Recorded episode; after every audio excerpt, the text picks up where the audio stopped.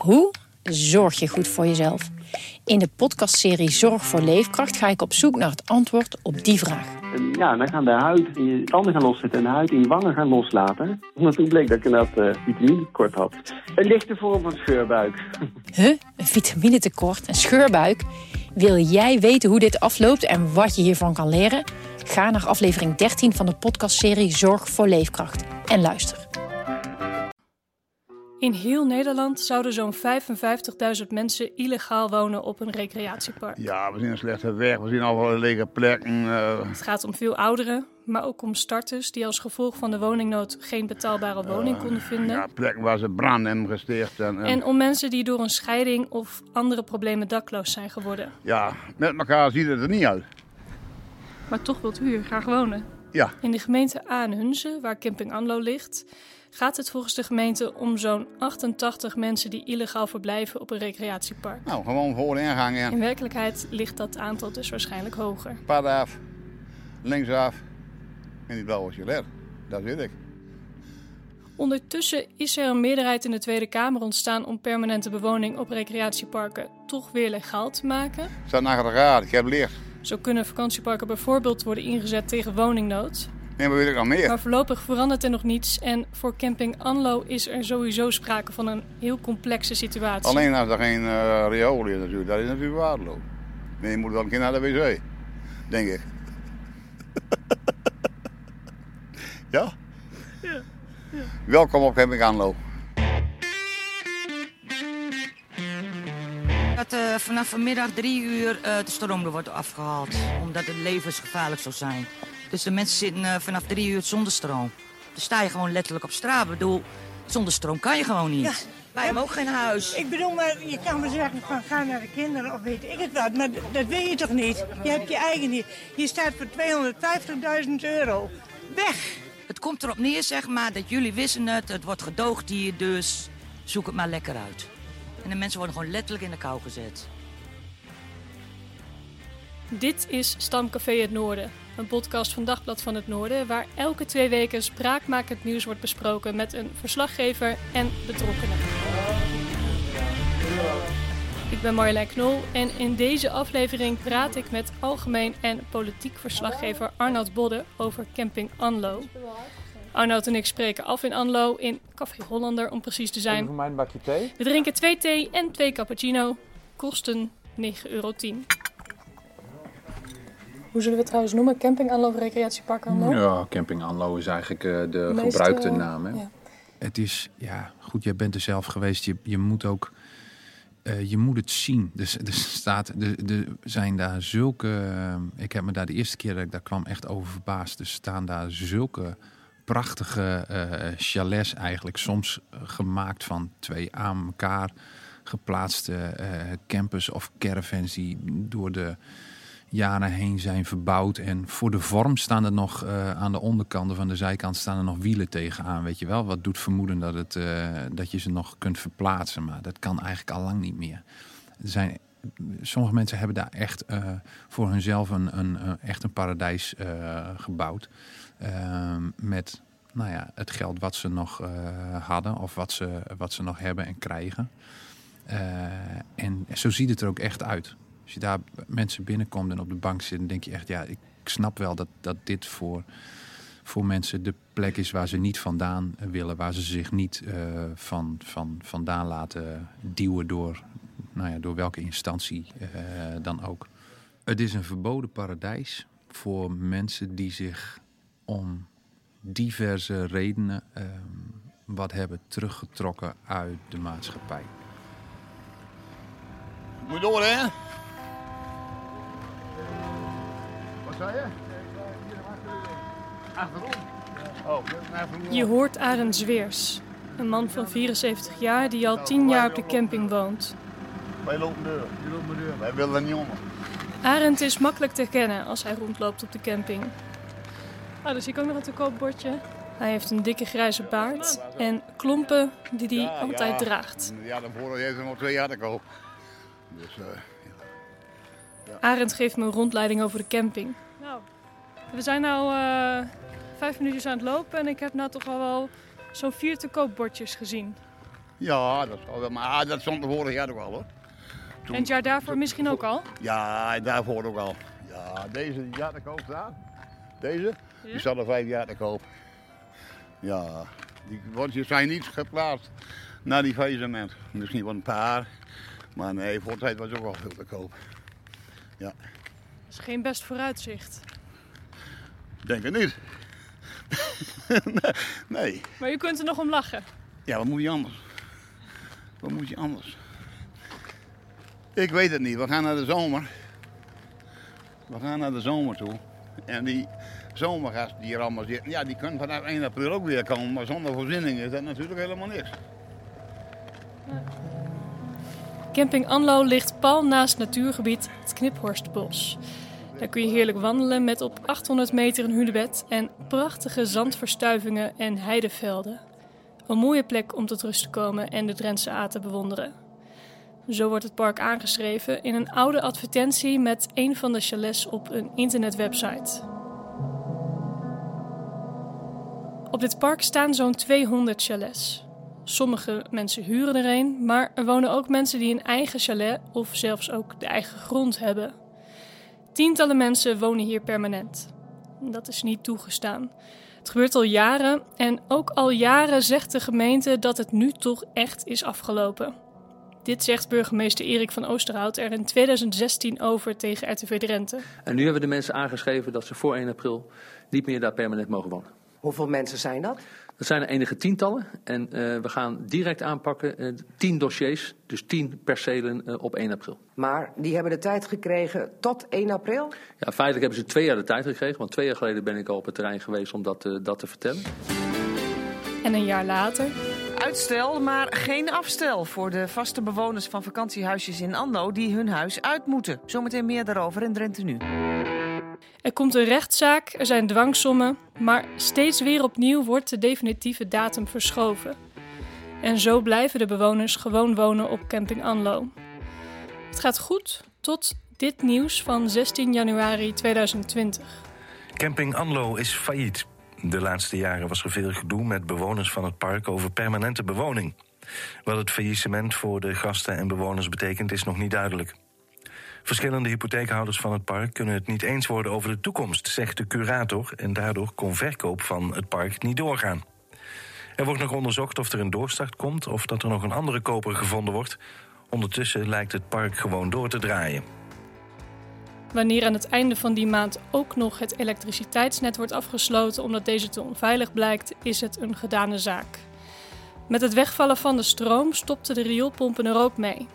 De gemeente sprong bij, zette een aggregaat neer en kreeg de boel weer draaiende, maar betaalt daar nog maar voor tot eind februari. En dan is er naast het stroom ook geen riolering meer en geen water. Deze meneer die naast mij woont, die zit hier in deze chalet 20 jaar. En die heeft 46 jaar op deze camping gestaan. Zo. 46 jaar. Dat is een tijd. Dat is een tijd, ja. Ja. En die man is er dus ook niet blij mee. Die is 77 geloof ik. Maar die zit wel een beetje in de lappermans. Die heeft ook twee keer per dag uh, zorg nodig. Dus eigenlijk kan zo'n man hier... Eigenlijk kan zo'n man hier niet blijven. Maar die wil ook niet weg natuurlijk. Zo lang hier geweest. Mensen zijn gehecht aan deze uh, ja, plaats. Ja, ja, ja, ja. Hier, woon, hier wonen de mensen. Die zitten nou even in een uh, flatje in Groningen. Die, zijn, die, hebben, die hebben jaren gestaan. Maar als je geen, en geen stroom hebt en je hebt geen gas, ja, dan kun je op die leeftijd gewoon niet blijven. Dat kan dan niet.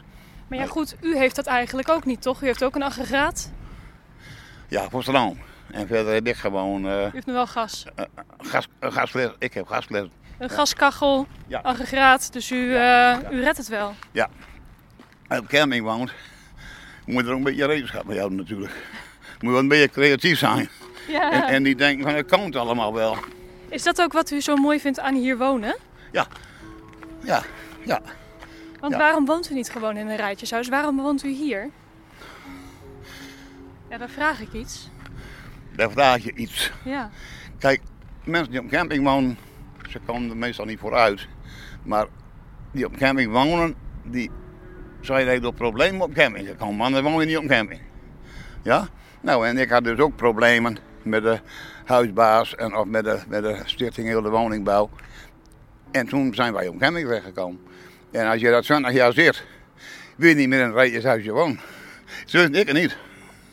Als ze mij morgen een aan zouden bieden, ja, dan heb ik een probleem met mijn dochter, maar ik neem hem niet. En mensen verklaren u voor gek. Dat denk ik. Maar dat moeten ze zelf weten. Maar, maar, maar, Ik kan daarmee leven.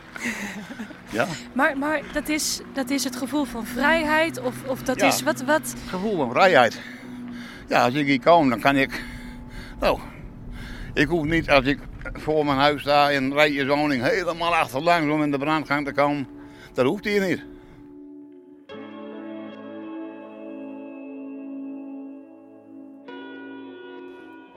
Op camping Anlo stonden zeker 50 mensen ingeschreven, maar in werkelijkheid wonen er meer mensen. Verslaggever Arnoud Bodde schrijft nu al zo'n drie jaar over de camping. En ik vraag hem wat voor mensen er wonen. Ik denk dat dat heel divers is. Eh, er wonen mensen die zich een, klein beetje hebben teruggetrokken uit de eh, maatschappij. Die, eh, sommige mensen hebben nog wel een baan, die zijn ook wel aan het werk, maar die, eh, die hebben, hebben niet veel, hebben ook niet veel nodig, hebben nooit veel gehad. En die hebben met datgene wat ze hadden financieel, hebben ze ooit hier hun bestaan opgebouwd. Ehm, en eh, dat is voor hen veel meer waard dan wat het eigenlijk waard is. Dus als ze dit nu moeten achterlaten, krijgen ze nooit meer zoiets terug. En daarom voelt het zo oneerlijk. Nou moeten deze bewoners daar uiteindelijk toch vertrekken, zoals het nu lijkt. Wiens schuld is het nou dat deze toch wel schrijnende situatie is ontstaan? Ehm, ik denk dat het heel lastig is om, eh, om eh, de schuld eh, naar ehm, één instantie of naar één kant te schuiven. Want je kunt niet zeggen dat mensen die hier permanent wonen niet hebben geweten dat het niet mocht. Eh, hoe oneerlijk het voor sommige mensen ook eh, voelt. En dat klinkt dan even heel hard, maar ze weten al best wel lang dat de gemeente wil handhaven. Alleen in daad heeft de gemeente dat nooit consequent gedaan. Je kunt mensen hier niet heel makkelijk uitleggen dat de gemeente niet meteen 30 of 40 mensen aanschrijft als ze gaan handhaven. Dat zijn er eerst, dat zijn er eerst eens vijf en daarna nog eens vijf. Dan is het voor de gemeente en voor de ambtenaar is het behapbaar om eh, dwangsommen op te leggen enzovoort. En daar komt bij dat eh, sinds kort de problematiek eigenlijk verergerd is vanwege het faillissement. En eh, ja, een, een, eh, met, met een constructie met stichtingen en BV's die failliet zijn gegaan. En dat er mensen zijn die grond in bezit hebben. Er zijn schuldeisers, er zijn hypotheekhouders. Eh, dat is een heel ingewikkelde constructie die de curator eh, nu aan het ontrafelen is. Het is een hele legpuzzel die eh, gemaakt moet, moet worden. Het is een heel complexe situatie, maar die, die, dat faillissement heeft er wel voor gezorgd dat alles nu in een stroomversnelling is geraakt. En dat Enexis nog eens heeft gekeken, goh, hoe brandveilig is het hier eigenlijk? Nou, dat is het niet. Dus is ook nog eens de stroom afgesloten en wordt straks ook nog eens eh, het water en de riolering wordt eh, afgesloten. Dus het ja, komt nu in een, in, een, in, een, in een stroomversnelling waarvan je kunt zeggen, ja, eh, of ze dat nou zo gewild hebben of niet, het komt de gemeente wel goed uit. Maar het is niet alleen even een eh, camping verkopen, dat valt niet mee. Maar dan moet alles ook, die hele stroomvoorziening. Ik geloof dat dat helemaal opnieuw aangelegd moet worden, dat dat 240.000 euro kost. Ja? Dat is niet te doen. Dat is niet te doen. Of krijg je die camping ook voor niks? dan is het nog niet te doen, ja. Nee. Dan heb je alleen nog maar de stroom, dan heb je het water, dan heb je de, de, de riool. Het is allemaal met elkaar, eh daar is de laatste jaren niks aan gebeurd. Niks. Nee. Alleen maar geld vangen. Dat, dat zo'n zo'n man je zo de bij de Polen heeft. Ja, hij moet hier niet op de camping gaan. Als hij, als hij eh, hier komt, dan mag hij mij wel gewoon voorbij rijden. Maar ik, ik kom niet aan, want dan is hij zelf in de gevangenis. Maar die zijn met, die willen hem doodschieten als ze hem zien. Ja, en ik kan me voorstellen. Hoogleraar Herman Breuring verwoordde het heel mooi in een interview met RTV Drenthe. Hij zei: Het lijkt een beetje op de situatie dat je een auto hebt gekocht En dat er achterstallig onderhoud is, omdat die garagehouder gewoon geen goed werk verrichtte. En op een gegeven moment denk je, verrek nou moet ik mijn auto opknappen. En dan is de garagehouder failliet. Dan is het je eigen probleem. Zo zit het juridisch in elkaar. Ik denk dat dit voor heel veel mensen heel treurig eindigt. Uh, namelijk dat ze uiteindelijk toch na al die jaren uh, hun spullen moeten pakken en er, ergens anders naartoe moeten. En misschien, dat hoop je dan voor ze, zien ze daar al vrij gauw toch weer mogelijkheden om een nieuw bestaan op te bouwen. Dat zien ze op dit moment nog niet. Maar ik denk dat de situatie uiteindelijk wel zo eindigt dat ze wel zullen moeten.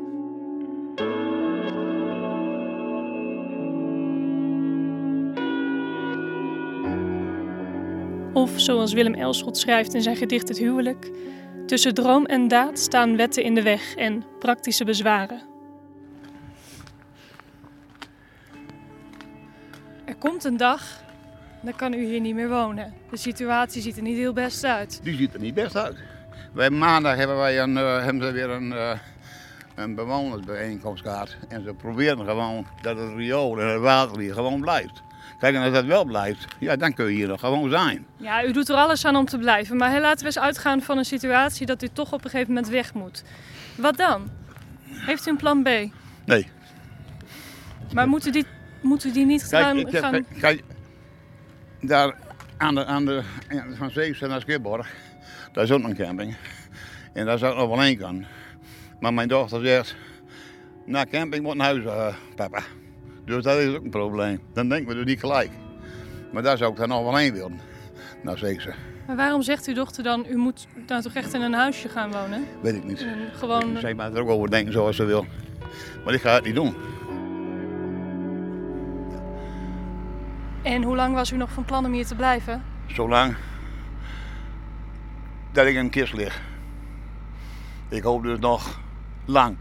Maar dat hangt niet van mij af natuurlijk. Als het hier helemaal fout gaat, dan zal ik weg moeten. Maar anders ga ik niet weg. Nee, nee. Mijn vrouw had altijd ook gezegd, ik ga hier weg in een kist. Nou, dat is ook gegaan. En daar ben ik ook van plan. Dat was het? Reageren op deze aflevering? Dat kan. Spreek je vragen of opmerkingen in op je dictafoon, op je telefoon. En mail hem dan door naar stamcafé dvhn.nl. Of uh, misschien heb je een goed onderwerp voor een volgende aflevering. Spreek je idee dan ook in en wie weet gaan we ermee aan de slag. Iets schrijven mag natuurlijk ook, maar het is een podcast.